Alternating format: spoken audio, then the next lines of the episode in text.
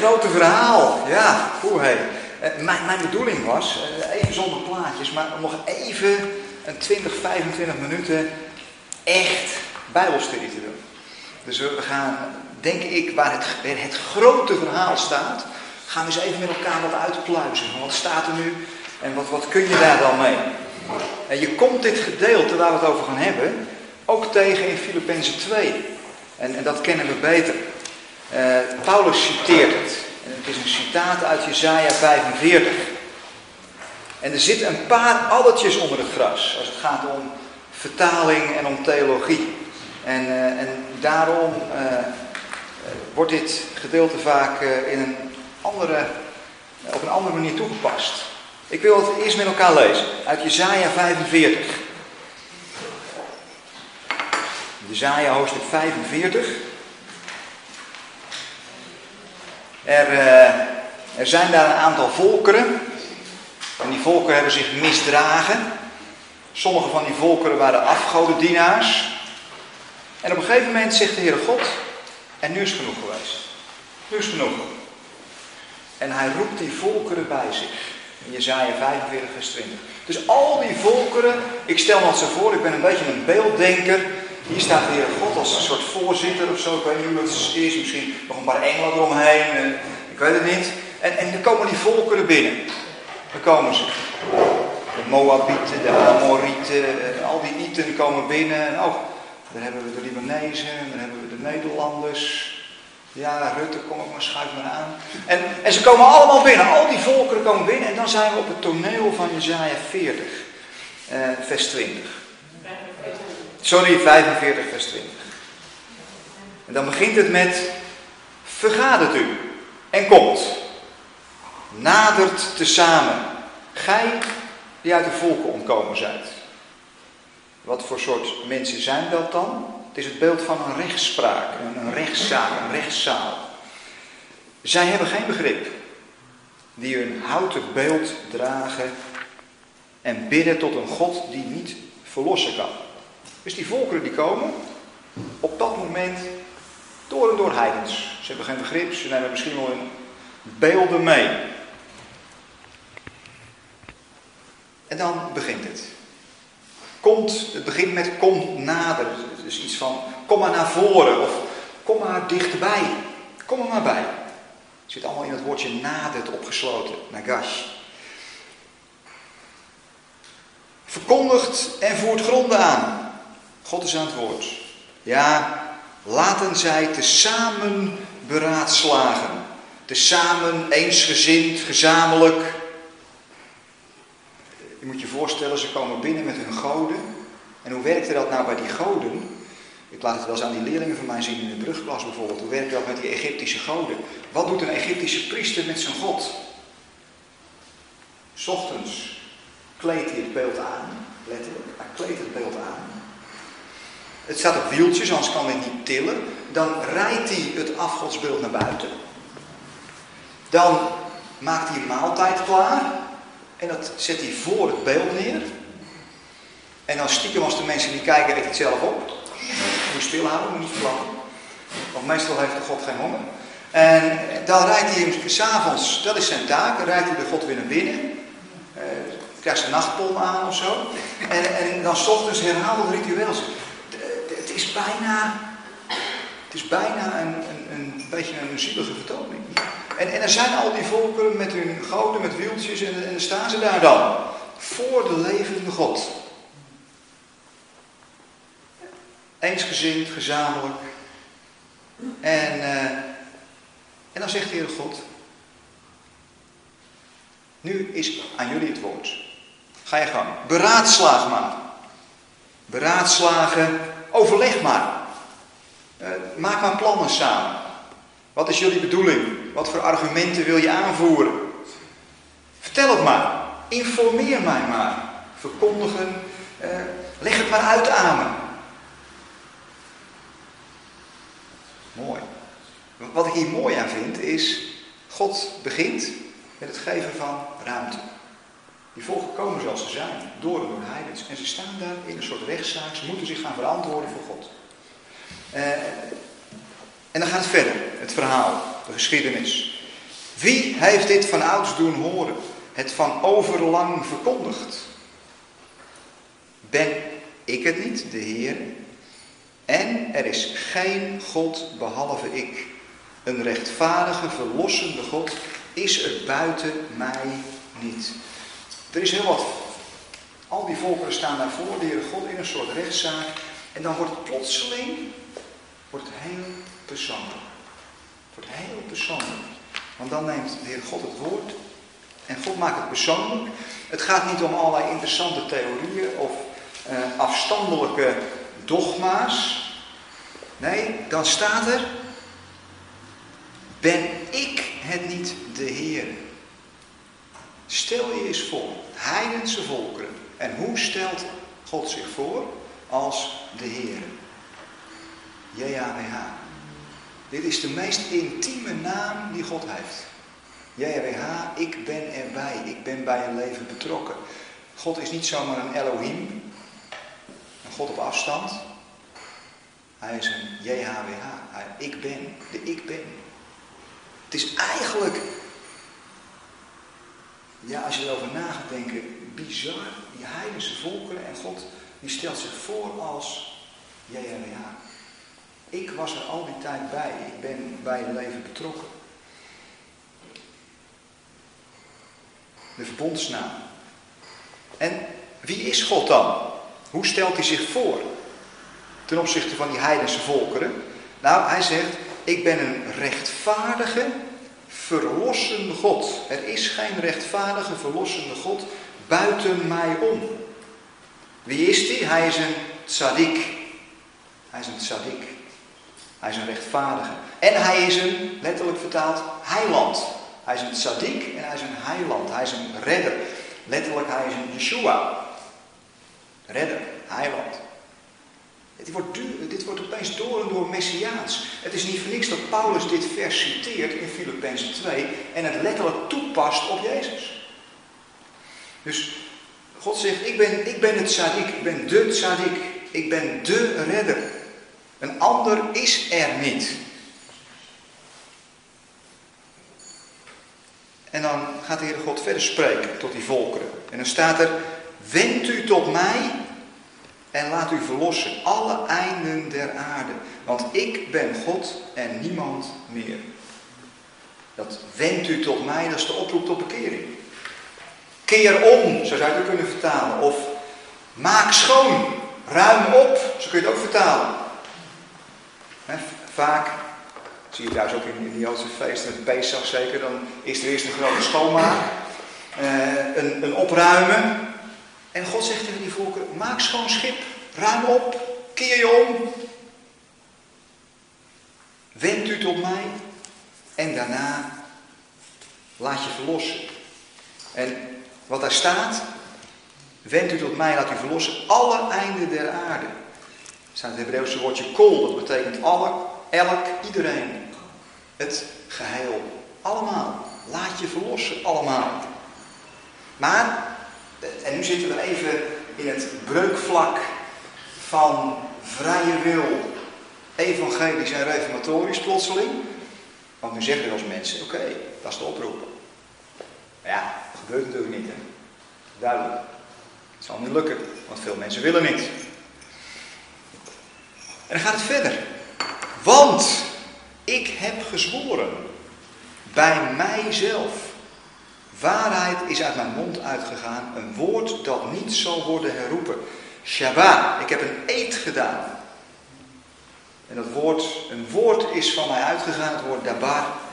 Dabar betekent zowel woord als daad. Dus de uitspraak geen woorden, maar daden, dat is in het Hebreeuws een beetje lastig. Want daad en woord, dat zit allebei in het woordje dabar uitgesproken. En, en dus als je wat zegt en je doet het niet, heb je het eigenlijk nooit gezegd. Als je wat zegt, moet je het ook doen. Als God wat zegt, doet hij het ook. Hij heeft gezworen, een woord is van hem uitgegaan. Ja, dan moet je wel heel wat in huis hebben. Wil je dat gaan ontkennen, wat erna komt? Poeheid, ik wens je veel sterkte. Eh, ik heb gezworen bij mijzelf, waarheid is uit mijn mond uitgegaan, dat voor mij elke knie zal buigen, dat bij mij elke tong zal zweren. En dat woord zeggen, even kijken hoor. Uh, dat men alleen bij de Heere zal men van mij zeggen is gerechtigheid en sterkte. Dat, dat woord zeggen wat daar staat, eh, dat is een krachtig woord, want dat betekent letterlijk beloven. Dus je belooft als het ware, je zegt, die volkeren die komen, die, die keren zich kennelijk om en dan beloven ze, dan, je kunt het ook vertalen met zeggen in je hart of bedoelen. Dus het is niet een uiterlijk gebeuren. Je kunt het zelfs vertalen met antwoorden. De volkeren geven antwoord aan God. God wacht altijd op antwoord. Hij dwingt geen antwoord af, hij wacht op antwoord. Maar wel vanuit je hart. Ergens in Hosea staat, als dat volk Israël, die uiterlijk godsdienst zo prachtig voor elkaar heeft. Het is een religieus gebeuren. Het ziet er mooi uit, alle toeters en bellen. En dan plotseling is er die schreeuw van God, midden in Hosea. Liefde wil ik. En geen offeranden. Geen uiterlijke godsdienst. Vanuit je hart. Wend u tot mij en laat u verlossen alle einden der aarde, want ik ben God en niemand meer. Want ik heb gezworen bij mijzelf, waarheid is uit mijn mond uitgegaan. Een woord dat niet zal worden herroepen, dat voor mij elke knie zich zal buigen, dat bij mij elke tong zal zweren. En uh, je herkent Filippenzen 2 al. Zullen tot slot nog even lezen. Maar nou komt het. Nou komt het. Want, ja, dit past niet in een bepaalde traditionele theologie. En dat zie je terug in de vertaling. Let op. Alleen bij de Heere zal men van mij zeggen, is gerechtigheid en sterkte, tot hem zal men komen. Maar beschaamd zullen staan allen die tegen hem in woede ontstoken zijn. In de Heere wordt het gehele nakroost van Israël gerechtvaardigd en zal het zich beroemen. Ik, ik kwam ooit eens iemand tegen en, uh, en, en die zei, die, die, zat, die was helemaal, eh, Israël, dat, zag ze helemaal zitten. En zei, ja, zei ze Wim, kijk, dat Israël behouden wordt, daar ben ik van overtuigd. En toen hadden we het over Jezaja 45. Maar die volkeren, die volkeren die niet willen, die zich misdragen hebben, die heidense volkeren, die komen er niet. En toen citeerden ze onder andere Jezaja 45. Toen zei ik tegen haar, nou dan heb je een mooie mazzel als Jood. Want wat je doet, je wordt dan toch behouden. En als je toevallig een Nederlander bent, dan niet. Terwijl je het zelf hebt gedaan. Ja, zei ze, ja. Dat is het mysterie van God. Kan dat? Hoe, hoe zit dat nou? Uh, we moeten even een stapje terug naar dat maar. Uh, dit, is de, dit is de uitleg van Calvijn en ook van Luther. Uh, op dat alle knie zal zich buigen, alle tong zal beleiden, kol, iedereen, het geheel. Maar beschaamd zullen staan alle die tegen hem in ontstoken zijn. Dit is de verklaring van Calvijn. Er is een tegenstelling. Eerst worden degenen genoemd die komen, hun knieën buigen en zweren bij de God van Israël. Dat zijn zij die behouden worden. Maar er zijn ook anderen. Dat zijn degenen die tegen hem woeden. Met het woord woeden wordt bedoeld toornig verzet tegen de God van Israël. Voor hen is hij niet de verlossende God, maar de veroordelende God, die hun beschaamd doet staan en heen zendt naar de straf die ze hebben verdiend. Dit is de, de klassieke scheiding die wordt aangebracht in Jezaja 45. Waarom moet dit het grote verhaal? Nou, ik denk dat je met deze klassieke scheiding het grote verhaal torpedeert. God zet hier een ongelooflijk sterke statement neer, waar hij bij zweert, bij zijn eigen naam. En wat is de theologische verklaring? Je haalt de eet onderuit. Ik zal het verder uitleggen. In het Hebreeuws kan dat woordje wat hier met maar vertaald is, dat kun je ook vertalen met en. als het verband, sorry, ik moet even moeilijk doen, maar als het, de context, als het verband in de tekst aangeeft duidelijk dat er een tegenstelling is bedoeld, dan mag je het met maar vertalen. Als het verband niet duidelijk maakt dat het een tegenstelling is, moet je het met en vertalen. Met andere woorden, het is een theologische maar die hier staat. Het verband is de traditionele scheiding, jij wel, jij niet. Dat is het verband, dat is de tegenstelling die hier wordt gecreëerd. En daarom wordt het met maar vertaald. Zowel in de Statenvertaling als in de NBG-vertaling. Ik heb andere vertalingen er even niet op nageslagen. Misschien dat er andere vertalingen... Wat zeg je? In de Nadissen staat het wel goed. Mag ik de Nadissen? Lees die zo nog even voor. De Willy Brood?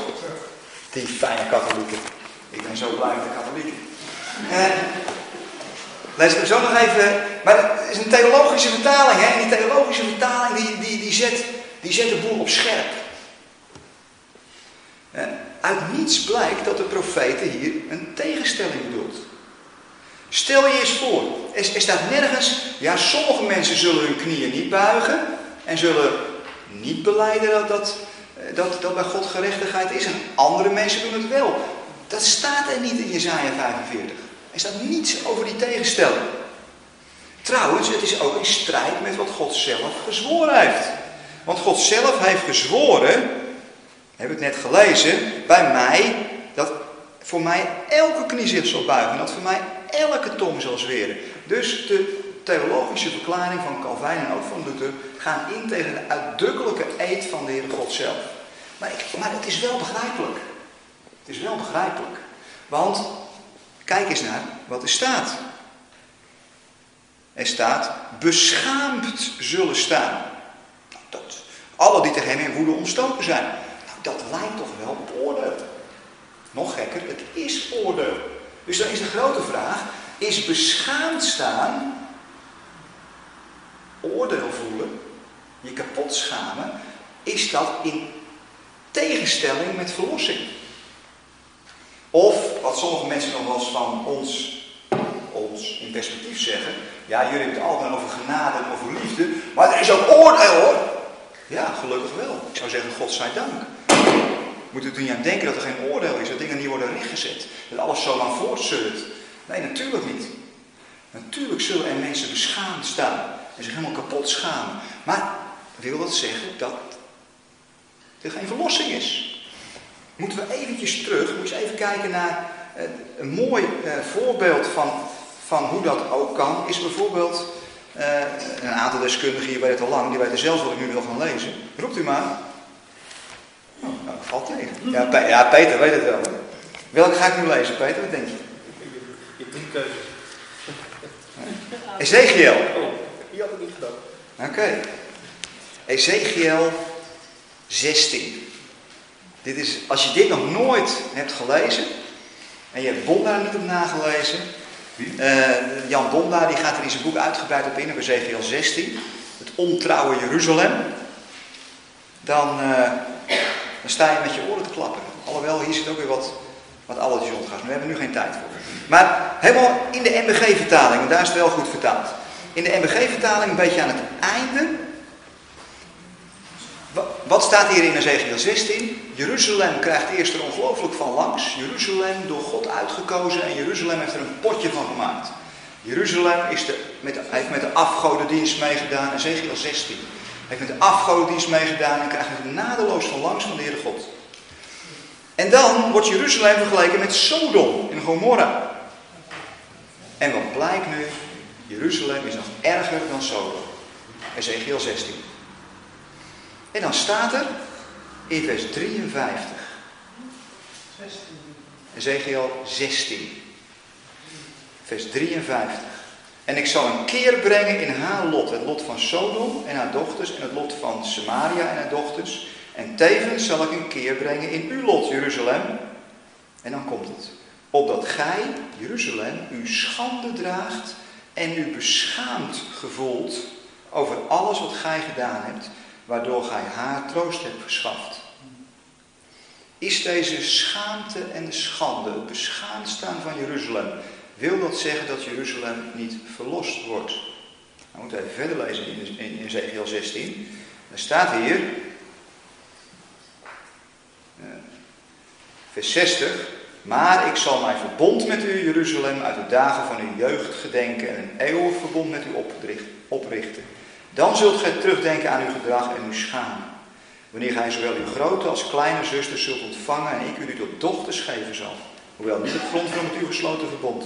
Ik zal mijn verbond met u oprichten. En gij zult weten dat ik de Heere ben. Opdat gij de herinnering bewaart en u schaamt.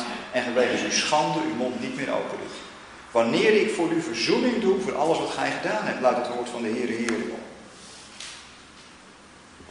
Beschaamd staan en verzoening en verlossing zijn geen tegenpolen. Ze horen onlosmakelijk bij elkaar. Dus hier het woordje maar zeer, meer neerzetten is bijna misdadig. Dat kan niet.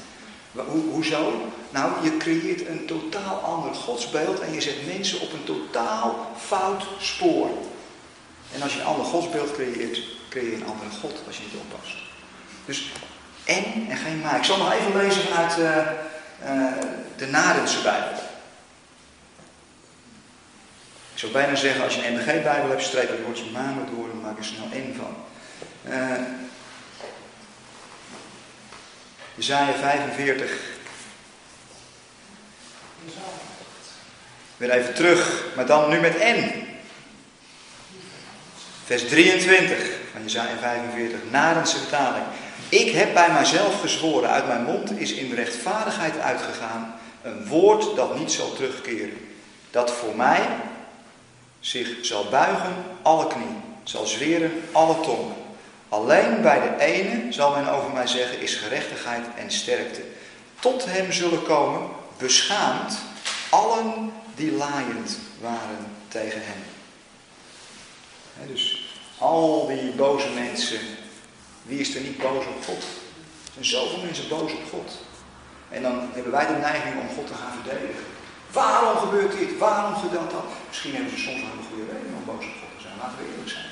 Wij snappen niet alles en soms zijn we boos. Maar we hebben leren vertrouwen. Dat is een proces.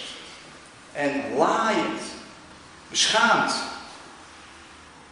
En dan gaat God verzoenen En dan is die verlossing daar. Dan is die redding daar. En dat knielen. Het moet indrukwekkend zijn in die zaal. Al die afgodsbeelden liggen inmiddels op hun kant. En eh, misschien kun je nog een leuk vuurtje van stoken. Dan kun je nog barbecuen na afloop. Want dat feestmaal moet nog gevierd worden van die belegen wijnen en zo. Nou, dit soort wijn, dat eh, gaat er wel in, denk ik dan. Dus dat, komt daarna. Hè? Prachtig, prachtig. En dan gaat uh, Paulus citeert dat in Filippenzen 2. Dit, dit gedeelte. Maar hoe kom ik nou op dit gedeelte? Nou, ik weet nog dat ik Filippenzen... Ik, ik, sprak eens ergens over Filippenzen 2. Het was een beetje een ondeugende preek. Ik was daar voor het eerst. En... Uh, ik weet nog, eh, Peter Vlug senior zat vlak voor me van de Stichting Opwekking. Dus ik zei nou, ik zei, nou meneer Vlug, jullie kunnen nu jaarlijks oefenen met 20.000 man. Ik zei, nou, dat is nog niks, moet kijken. Ja. Hij heeft er niet meer over aangesproken. Uh, Filippenzen 2, daar haalt Paulus dit gedeelte aan en dan past hij toe op Jezus.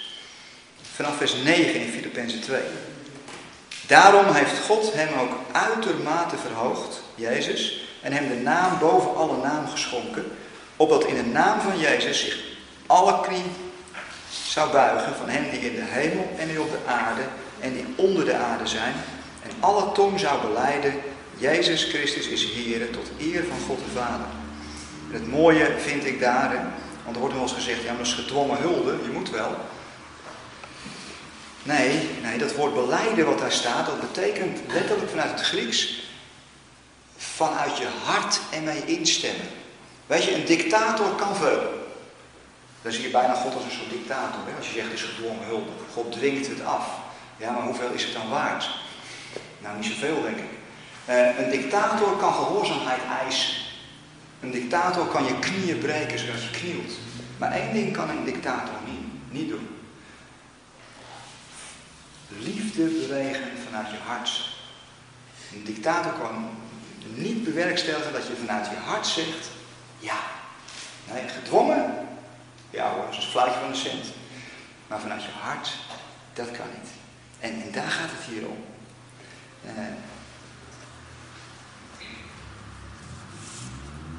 dan wordt er nog wel eens, twee minuten, ja, ik hou me netjes aan de tijd. Dan wordt er nog wel eens in dit verband ook een tekst aangehaald uit Psalm 66. Daar sluit ik mee af.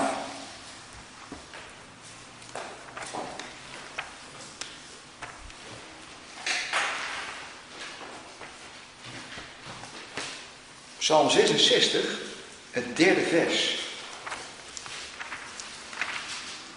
Als bewijs voor het feit dat het gedwongen hulde is.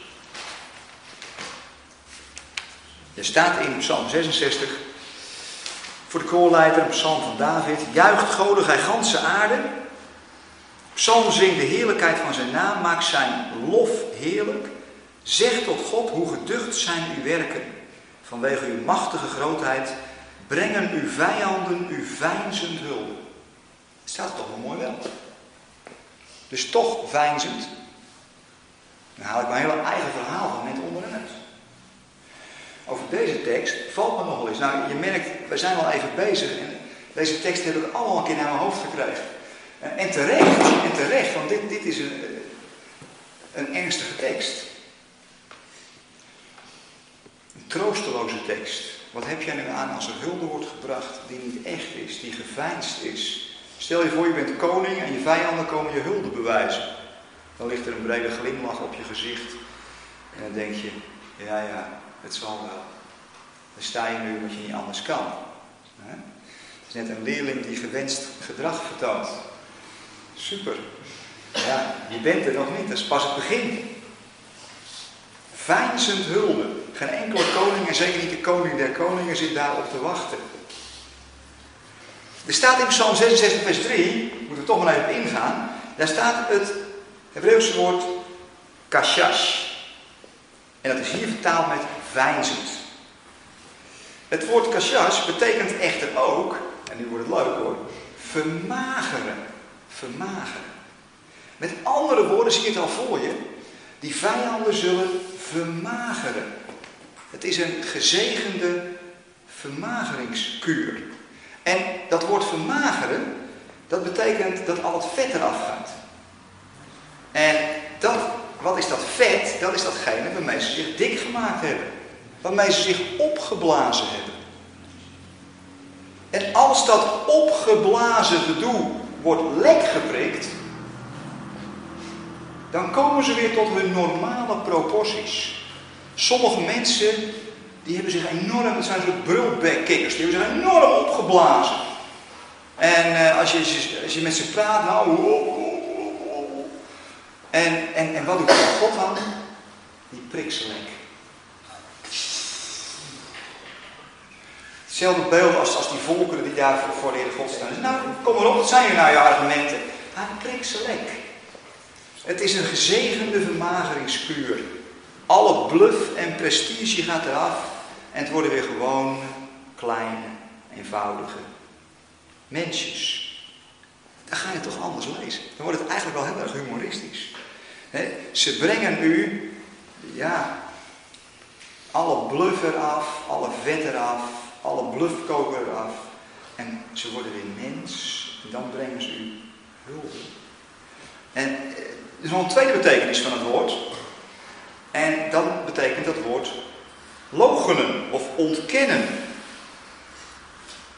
Uh, in de Franse vertaling staat: ze zullen, zich verlogenen. Ze zullen zich verlogenen. Dus dan lees je. Uh,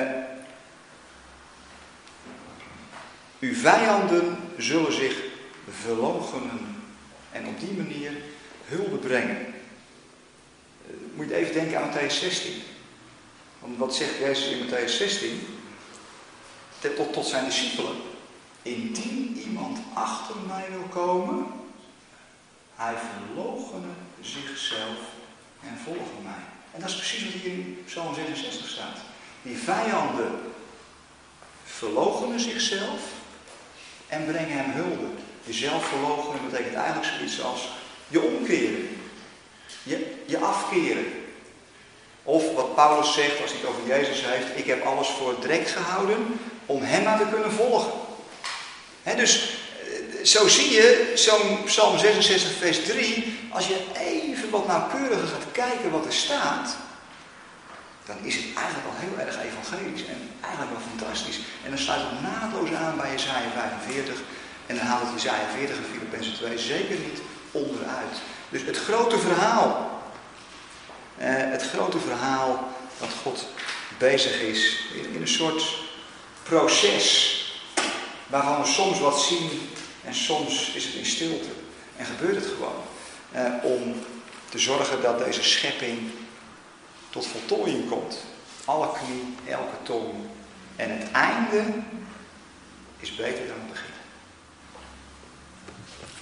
Eh, punt. Pomma. Misschien jij nog vragen? Dat kan wel. Nou, heel wat gehoord vandaag. Zijn er nog vragen? Het mag ook achteraf gewoon persoonlijk hoor, dus ik, ik blijf nog wel even. Uh, vragen aan Kanna of vragen aan mij? Roept u maar.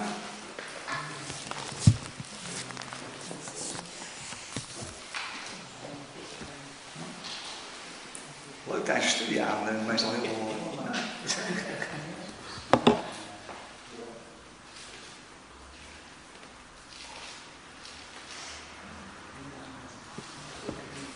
Geen vragen? Ga, gaan we afsluiten. Ik ga afsluiten. Is er nou een glaasje fris? Ja. Een glaasje fris. Mocht u nog persoonlijk vragen en dan kom rustig naar mij of komen toe. Zal ik uh, danken voor deze dag.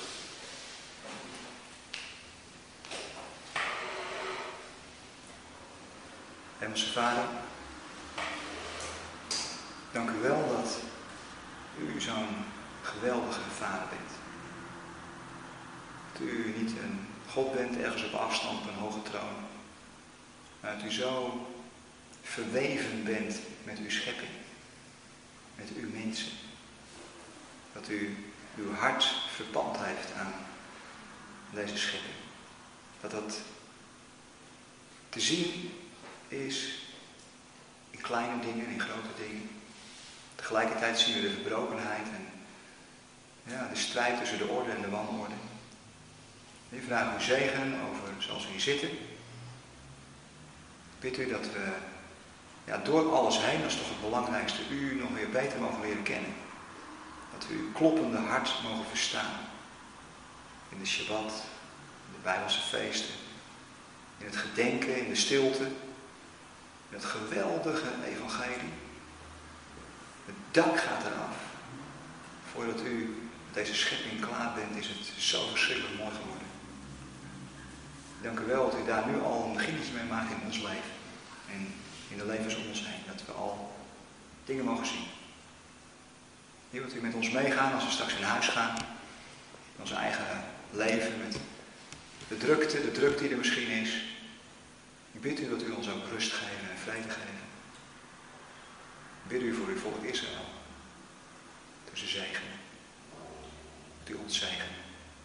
In de naam van Jezus. Amen.